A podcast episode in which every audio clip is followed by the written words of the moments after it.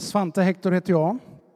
Jag är en av församlingens medarbetare. Jobbar allra mestadels med det som kallas för mission eller arbete ut mot människor i andra länder. Och idag så har jag fått förmånen av att få dela lite tankar ifrån bibelordet i en predikan. Och rubriken det är Kallad att vara en fridens person. Jag vet inte riktigt, vem är du? Jag jobbar en hel del, både i mitt IBRA-uppdrag men också i mitt andra uppdrag som mentor och coach så jobbar jag mycket med att sitta med människor, ledare av olika slag, oftast. Och det är intressant, för förr eller senare kommer man till den här frågan på ett eller annat sätt. Vem är jag? Vad har jag för uppdrag? Vad har jag för livsmening? Vad är det för någonting som är min roll här i livet? Vad är det som ger både glädje? Vad är det som ger mening? De där frågorna tror jag alla människor möter förr eller senare. Och ganska så ofta så får jag förmånen att sitta och samtala med människor och kanske ge lite verktyg på vägen för att tydliggöra det där, att upptäcka vem är jag egentligen? Och vad är min livsmening? Vad är målet? Vad är meningen? Vad är det, det som ger mig glädje och tillfredsställelse? Det finns väldigt många som letar efter det där. Elisabeth hade ett citat här av en artist och sångare. Jag har hört den där sången många gånger. Var är instruktionsboken? Var är den där bilden som hjälper mig att förstå den stora bilden? Vad är det som hjälper mig att förstå vem är jag i det stora sammanhanget? Det här tänkte jag att vi skulle stanna lite grann inför. Och en tanke som jag vill skicka med på en gång, det är ju så här att vi klarar inte som människor att förstå själva vem vi är. Det var bland det första jag fick lära mig när jag läste pedagogik för många år sedan. Det här att, att förstå vem man är, det måste man göra i en relation, i en gemenskap med andra människor. Det är först där som du liksom får möjligheten att spegla dig och förstå. Och jag vill idag säga och ta det ett steg till. För att du verkligen ska förstå vem du är så behöver du göra det i relation till den som har skapat dig. Utan den bilden, utan det, så kommer du inte få hela bilden. Du kanske får delar av den, du kanske får något, men du får inte hela bilden. Och är det en främmande tanke för dig, är du här första gången och inte har så ofta eller kanske aldrig har varit i en kyrka, ja, men då är det en tanke som du ska ta med dig. Jag rekommenderar den. Det är först i perspektivet eller i närheten av skaparen som du har möjlighet att verkligen förstå vem du är och vart du är på väg. Låt mig läsa en text. Det här är texten om fridsfursten. Ibland så läser vi den här texten på, på jul. Eh, och eh, det kan man absolut göra på jul. Men idag så ska vi läsa den här idag. Det är ju en liten tid kvar till jul. Det här är en text som profeten Jesaja eh, profeterade rätt så lång tid före Jesus kom. Och här ger profeten Jesaja en bild av den här frälsaren, Messias, Jesus som vi känner honom, som skulle komma. Och det står så här. För ett barn blir oss fött, en son blir oss given, på hans axlar vilar herradömet. Och hans namn är Under, Rådgivare, Mäktig Gud, Evig Far, Fridsförste. Så ska herradömet bli stort och friden utan slut över Davids tron och hans rike. Det ska befästas och stödjas med rätt och rättfärdighet från nu och till evig tid. det var med den här bilden, med det här uppdraget, med den här liksom inriktningen som Jesus föddes, kom och gjorde Gud synlig, tillgänglig för oss.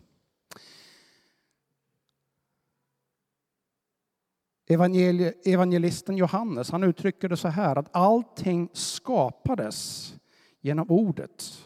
Ordet var och allting skapades genom ordet. Och så tar han och gör kopplingen mellan ordet och Jesus Kristus. Och så säger han, de som tar emot honom, de får möjlighet att bli Guds barn. Det där ska jag återkomma till lite grann om en stund.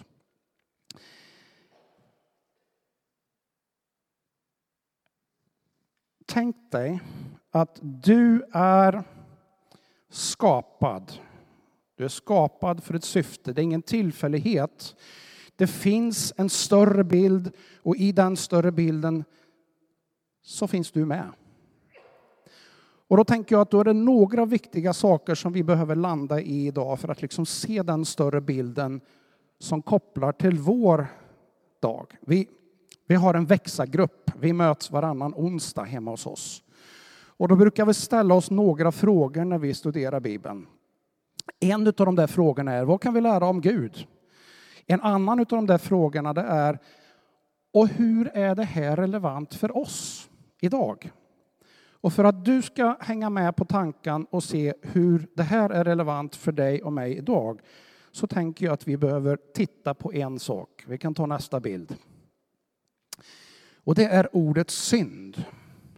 Ordet synd är inte alla jättebekanta med i vår tid. Ibland så kan man använda, eller man hör en del som säger det var syndigt gott eller syndigt skönt.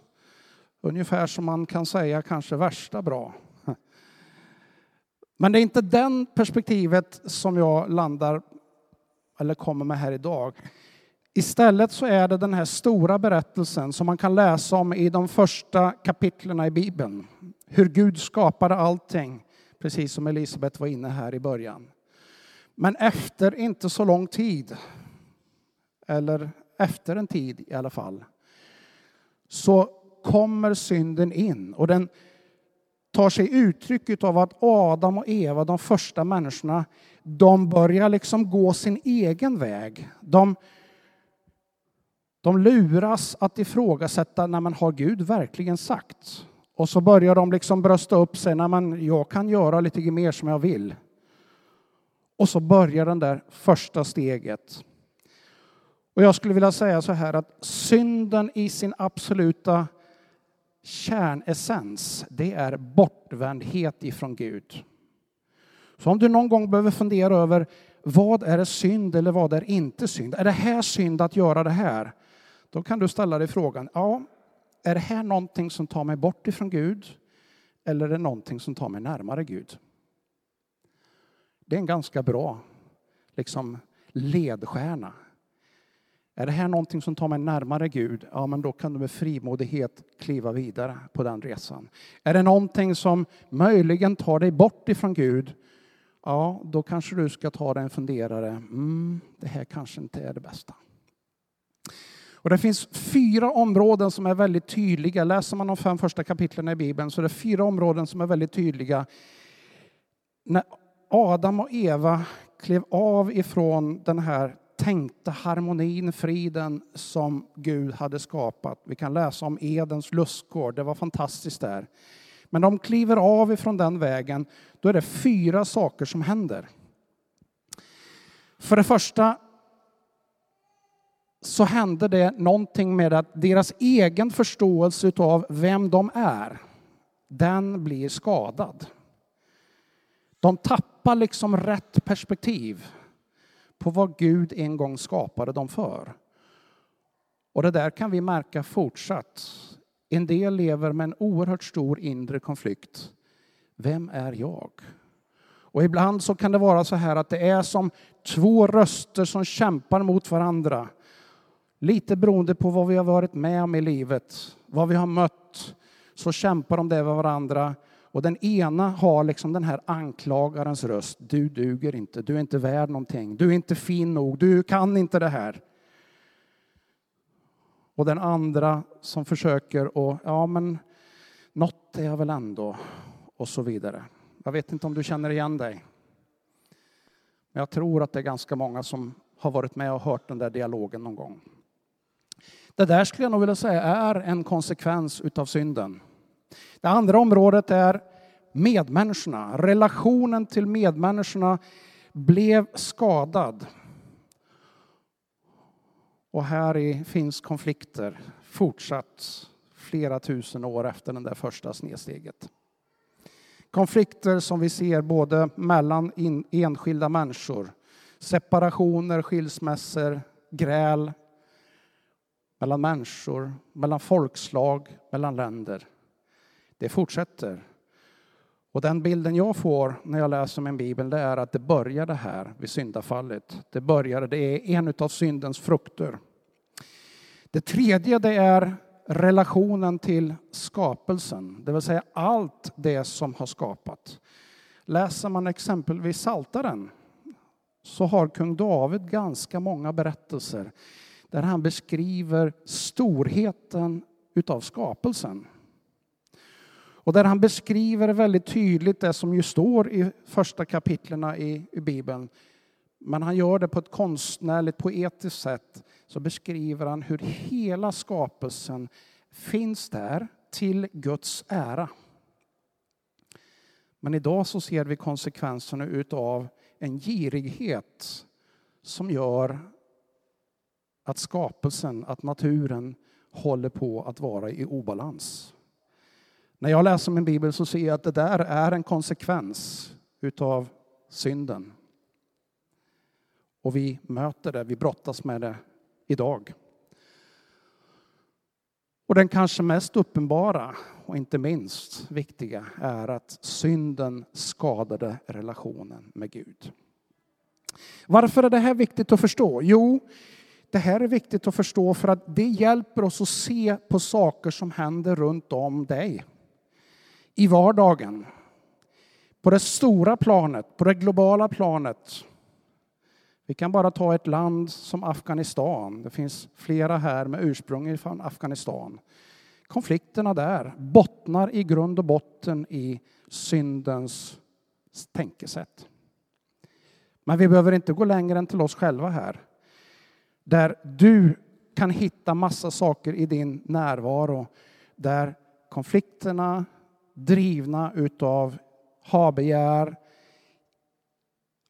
alla möjliga olika saker som kommer som spår utav synden som gör att man inte kommer överens, som gör att man inte ser det goda hos sin medmänniska. De finns här också.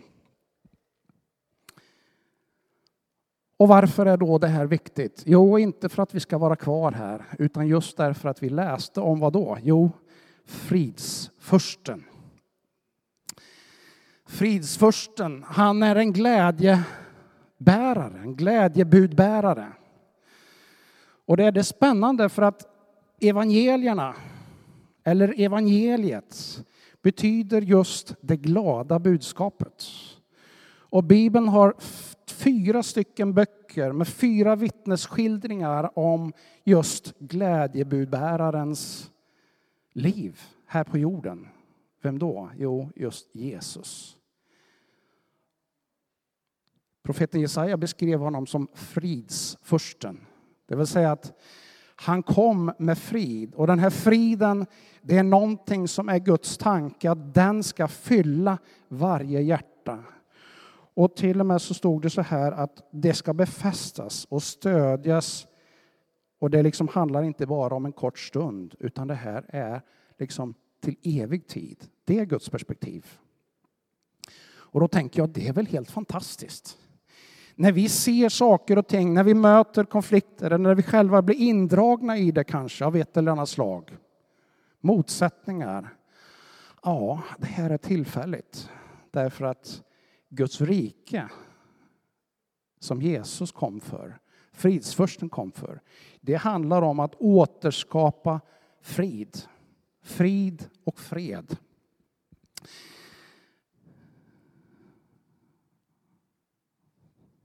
Hur ljuvliga är inte glädjebudbärarens steg när han kommer över bergen och förkunnar frid, bär fram goda nyheter och förkunnar frälsning. Så uttrycker profeten Jesaja lite senare. Och det här är en text som citeras också om Jesus. Men jag tänker att den kan citeras också om dig och mig. Jesus när han kom så kom han med ett tydligt erbjudande. Han kom om erbjudande med just försoning, det vill säga återupprättelse eller renovering, återupprättande, återskapande utav det som gick fel när synden fick plats. Så när du tänker på vad Jesus har kommit för, ja men då har han kommit för att återupprätta relationen med Gud. Ja, absolut.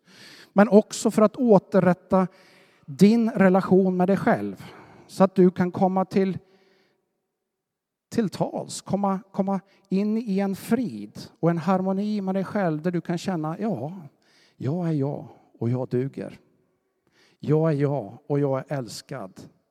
Jag är jag och Gud har skapat mig till att vara hans avbild.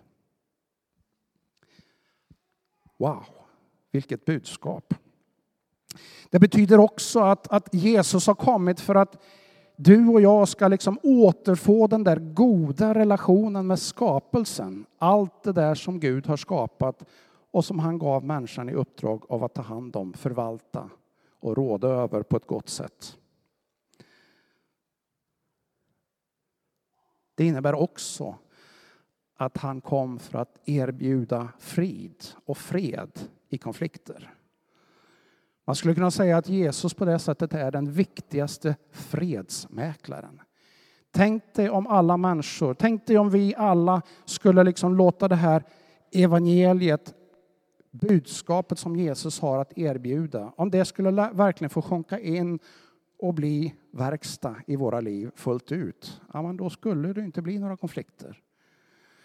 Ja, det känns långt borta. Men det är ändå det som är Bibelns budskap. Det är ändå det som är evangeliets kärna. De goda nyheterna. Hörrni, låt oss för ett ögonblick fundera över det här ordet frid. Vad betyder det för någonting? Frid och fred används ganska så synonymt i Bibeln tolkas på lite olika ställen med båda orden och de hänger väldigt, väldigt nära samman ihop. Och när jag tittade lite grann på vad några ordböcker säger, definitioner om de här, så beskrivs frid som en stämning av lugn, stillhet och frånvaro av konflikter. Uttrycktes också vara synonymt med harmoni och det är ju spännande. För harmoni definieras som ordnad samklang av toner, oftast med flera instrument. Visst är det väl fantastiskt när man lyssnar på musik?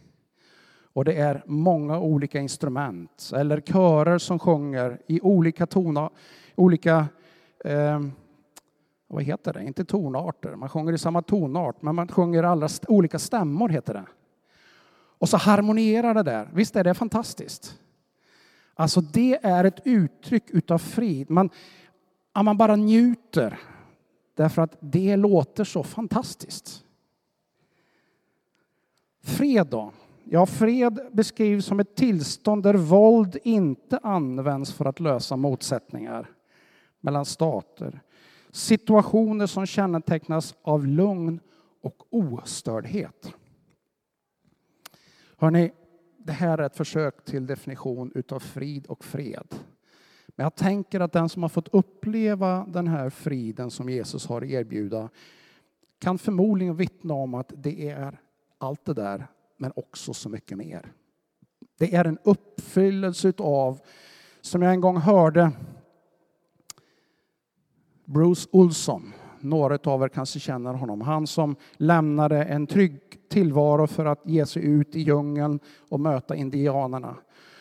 Och så han försöker närma sig ett folkslag som han vill väl och istället blir han attackerad och så finner han sig själv liggande där i djungeln omringad utav människor med spjut som hotar honom. Och när han berättar om det här så säger han, där och då så uppfylldes jag utav frid och ett lugn. Där till synes var han hotad. Men han fylldes utav ett lugn som inte går att förklara med mänsklig mening. Och istället för att dödas av de här spjuten så blir det början på en lång resa där han får förmedla hoppet, friden till hela den här folkstammen.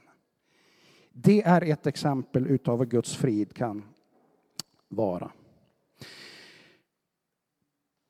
Jag sa förut att Johannes, han beskriver, han beskriver det här med att, att ta emot Jesus det innebär att man får möjligheten att bli Guds barn. Vad innebär det då att vara barn av Gud? Jo, det innebär bland annat att du är bärare utav ett DNA. Ett DNA som är präglat utav Guds kärlek och Guds frid. Smaka på den. Du är av nåd erbjuden av att vara Guds barn och en av de centrala delarna utav det DNA som du därmed har och får. Ni vet, DNA är ju de här strängarna här med information och instruktioner över hur vi som kropp, biologiska varelser, ska fungera. Och här är bilden av instruktionerna som Gud har gett för hur du ska vara, hur du kan vara. De där DNA-strängarna de har jag förstått kan kopplas av och kopplas på lite grann beroende på omständigheter. Men de finns där med tydliga instruktioner över hur du kan vara just en sån här fridens person. Och när du kommer i den högstes närhet, när du kommer i Jesu närhet, då är det som att de där DNA-strängarna som finns där vilande, de kan kopplas på. Och så börjar det märkas och synas saker i ditt liv. När Jesus skickar ut sina lärjungar, 70-talet lärjungar, då, då säger han åt dem så här. När ni kommer in i ett hus, säg då, jag kan ta nästa bild, jag tror att den finns där. När ni kommer i ett hus, eller vi tar hela texten. Ja. Säg då först frid över detta hus och om där bor en fridens man ska er frid vila över honom. Annars ska den återvända till er. Stanna i det huset och ät och drick vad ni får, för arbetaren är värd sin lön. Flytta inte från hus till hus. Och när ni kommer till en stad där man tar emot er, så ät det som sätts fram åt er. Bota de sjuka i staden och säg till folket, Guds rike är nära er. Vill du så får du gärna läsa den lite större texten där i Lukas 1 till 11. Det är en spännande berättelse och jag har valt ett litet utdrag utav den här bara. Men en viktig sanning är att när vi skickas ut, när vi går ut, om du är ett Guds barn och du liksom lever i ett sammanhang och Gud skickar ut dig så gör han inte det för att du ska banka in skallen på folk. Nej, tvärtom så gör han det för att du ska erbjuda frid. Tänk dig att någon kommer till dig och erbjuder dig frid. Fred. Inga konflikter, inga motsättningar, utan istället välsignande. Det är väl fantastiskt? Va? När jag växte upp då var det vanligt i, i, i pingstkyrkan eller pingströrelsen att man hälsade på varandra och erbjöd varandra frid. Det var vackert. Nu blev det väl kanske så att det där blev bara en jargong för många. Så att ordet tappade, i alla fall för mig, lite meningen. Men i sin verkliga betydelse så är det helt fantastiskt. Fortfarande är det så här att i många kulturer så erbjuder man varandra frid, shalom, salam. När man hälsar på varandra. Och det är något oerhört vackert. Erbjud frid, det är det som är uppdraget. Och läser man den här texten så står det att om det finns en fridens person där, det vill säga någon som har någonting så det ger ett gensvar, ja, man stannar kvar där då. Fortsätt att hänga med den personen. Fortsätt att umgås, lära känna den där personen. För några år sedan så satt jag på ett flyg. Och eh, det har jag gjort många gånger. Jag har rest mycket. Men den här gången var lite annorlunda. Det var en flygning på ungefär tre, fyra timmar.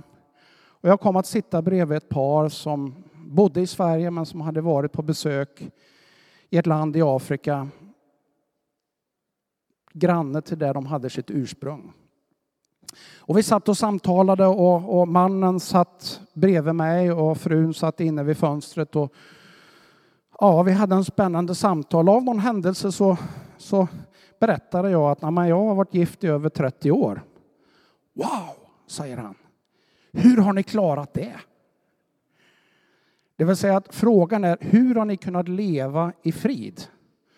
Och så får vi en stund där vi samtalar och jag ger några, några tankar, några tips, några erfarenheter hur man kan försöka göra för att hålla sams med sin fru.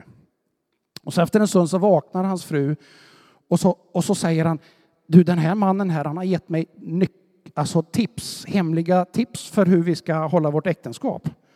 Och hon blir jättenyfiken och han vill inte riktigt berätta. Så att jag, jag liksom säger, men du ska få några av mig och så får vi lite samtal. Bra samtal. Första gången jag träffar dem. Och så efter en stund, vi är på väg in för landning, så känner jag bara så här att Gud kommer att tala till mitt hjärta.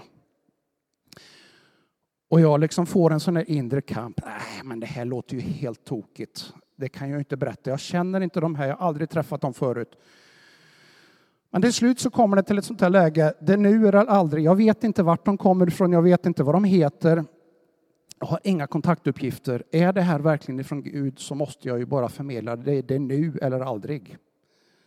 Så jag tar mod till mig och så delar jag det som jag uppfattar att Gud har lagt för dem.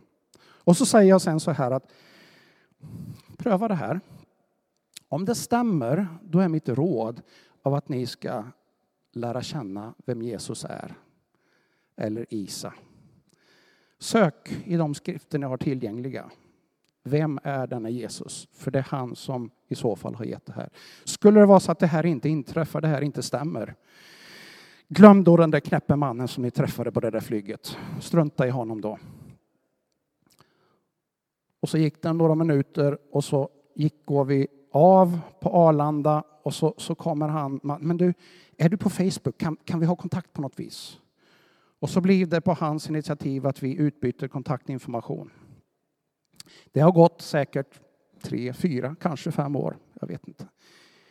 Som av en händelse så ringde den här mannen idag. Fråga hur är det? Vet du vem jag är? Ja. Jag glömmer aldrig den resan, sa han.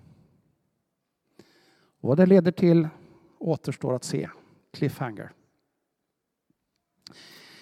Fridens personer kan vi stöta på och vårt uppdrag kan vara att erbjuda frid och så låta Gud göra resten. Det är vårt uppdrag att erbjuda frid. Hörrni, nu ska vi gå in för landning och jag vill bara ta er med till Romarbrevet här, vardagen. Fridens person i vardagen. Jag skulle rekommendera dig att göra en not av den här texten, för den kan du ta med dig hem. Den kan du studera, utforska lite grann. Men vi ska läsa den här. Älska varandra uppriktigt. Det är alltså Romarbrevet 12, 9-18. Avsky det onda. Håll fast vid det goda. Var innerligt tillgivna varandra i syskonkärlek överträffa varandra i ömsesidig aktning. Var inte tröga när det gäller iver. Var brinnande i anden. Tjäna Herren. Var glada i hoppet. Tåliga i lidandet. Uthålliga i bönen. Hjälp de heliga med dem, vad de behöver. Var ivriga om att visa gästfrihet. Välsigna dem som förföljer er. Välsigna och förbanna inte. Gläder med dem som är glada. Gråt med dem som gråter. Var eniga med varandra. Tänk inte på vad som är högt, utan håll er till det enkla. Var inte självkloka. Löna inte ont med ont. Tänk på det som är gott i alla människors ögon. Håll fred med alla människor så långt som det är möjligt och beror på er. Paulus sätt att tolka det som fredskungen eller fridsfursten kommer med. Och jag skulle vilja skicka med den här bibeltexten hem. Ta med den hem, gör en notering av den. Läs den, samtala om den vid köksbordet eller vid, kaffe, vid kaffekoppen. Dela med den med någon vän och sånt. Vad betyder det här i vårt liv? Vad innebär det här för oss i vårt sammanhang? Vad innebär det här i, våran, i vårat grannskap med våra grannar? Jag ser att det är någon som tar en bild. Det är ju en lysande bra idé. Man kan ta en bild av den här så får du dig telefonen hem. Jag ser några saker här. Jag vill bara kort nämna det utan att fördjupa. Ni får upptäcka mer själva. Men jag ser i den här texten kärleksfulla relationer. Jag ser uthållighet i bön. Bön, vad är det för någonting? Jo, det är ett samtal med skaparen själv. Det vill säga att har man tappat bort instruktionsboken så kan man liksom ta telefonen och så kan man ringa till han som, som vet mer än instruktionsboken och samtala. Där får du återkopplande, återkommande instruktioner eller klart för dig viktiga saker. Jag ser ödmjukhet. Jag ser att välsigna andra. Jag ser generositet och gästfrihet. Jag ser aktivitet av att försöka hålla fred. Jag ser empati med både den som sörjer och den som är glad. Ta med dig det här. Studera det, fundera över det. Vad innebär det här för dig i ditt liv? Kanske så funderade du när vi läste den här texten. Wow, hur klarar jag det? Ni ser bilden där. Är det någon som är bergsklättrare? Jag har klättrat en del i berg, men inte på sådana där klippor. Och jag inser att om jag liksom kommer där, då fixar inte jag det. Då behöver jag hjälp. Det fantastiska är när Jesus går mot sitt slut av sin tid här på jorden så säger han, hörni, ni behöver inte vara bekymrade. När jag lämnar er, då kommer Fadern att skicka, vem då? Hjälparen. Den helige ande som alltid finns oss nära. Han har uppdraget av att vara just en hjälpare. En hjälpare för att du ska kunna vara den här fridens person. Uppfylld av friden som Gud ger. Uppfylld av den på ett sådant sätt så det får konsekvenser för alla dina relationer. Relationer med de som står dig nära, relationer på arbetsplatsen, relationer med dig själv. Relationer med hela skapelsen och inte minst relationen med Gud. Hjälparen är till för att hjälpa dig. Och nu när vi avrundar här, jag ska strax lämna över tillbaka till Elisabet, så vill jag skicka med två stycken, eller tre frågor möjligen. Vad är ditt nästa steg? Vad är det för någonting som du ska ta? Du vet att det här med lärjungaskap eller efterföljelse, när Jesus kallade sina lärjungar så var det en sak som var viktigt. Det var inte att de kunde massa saker, men det var att de var beredda att ta ett steg utan efterföljelse. För att sen kunna ta ytterligare ett steg. Inte av tvång, men utav av fri vilja. Och min fråga är, vad är ditt steg? Vad är ditt nästa steg? Är det att för första gången ta emot fridsfursten? Jesus. Eller är det att ta emot hjälp för att leva det där livet som fridens person? Är det att ta emot hjälp på något annat sätt? Kanske att bli uppfylld utav hjälparen, den heliga Ande. Gud välsigne er.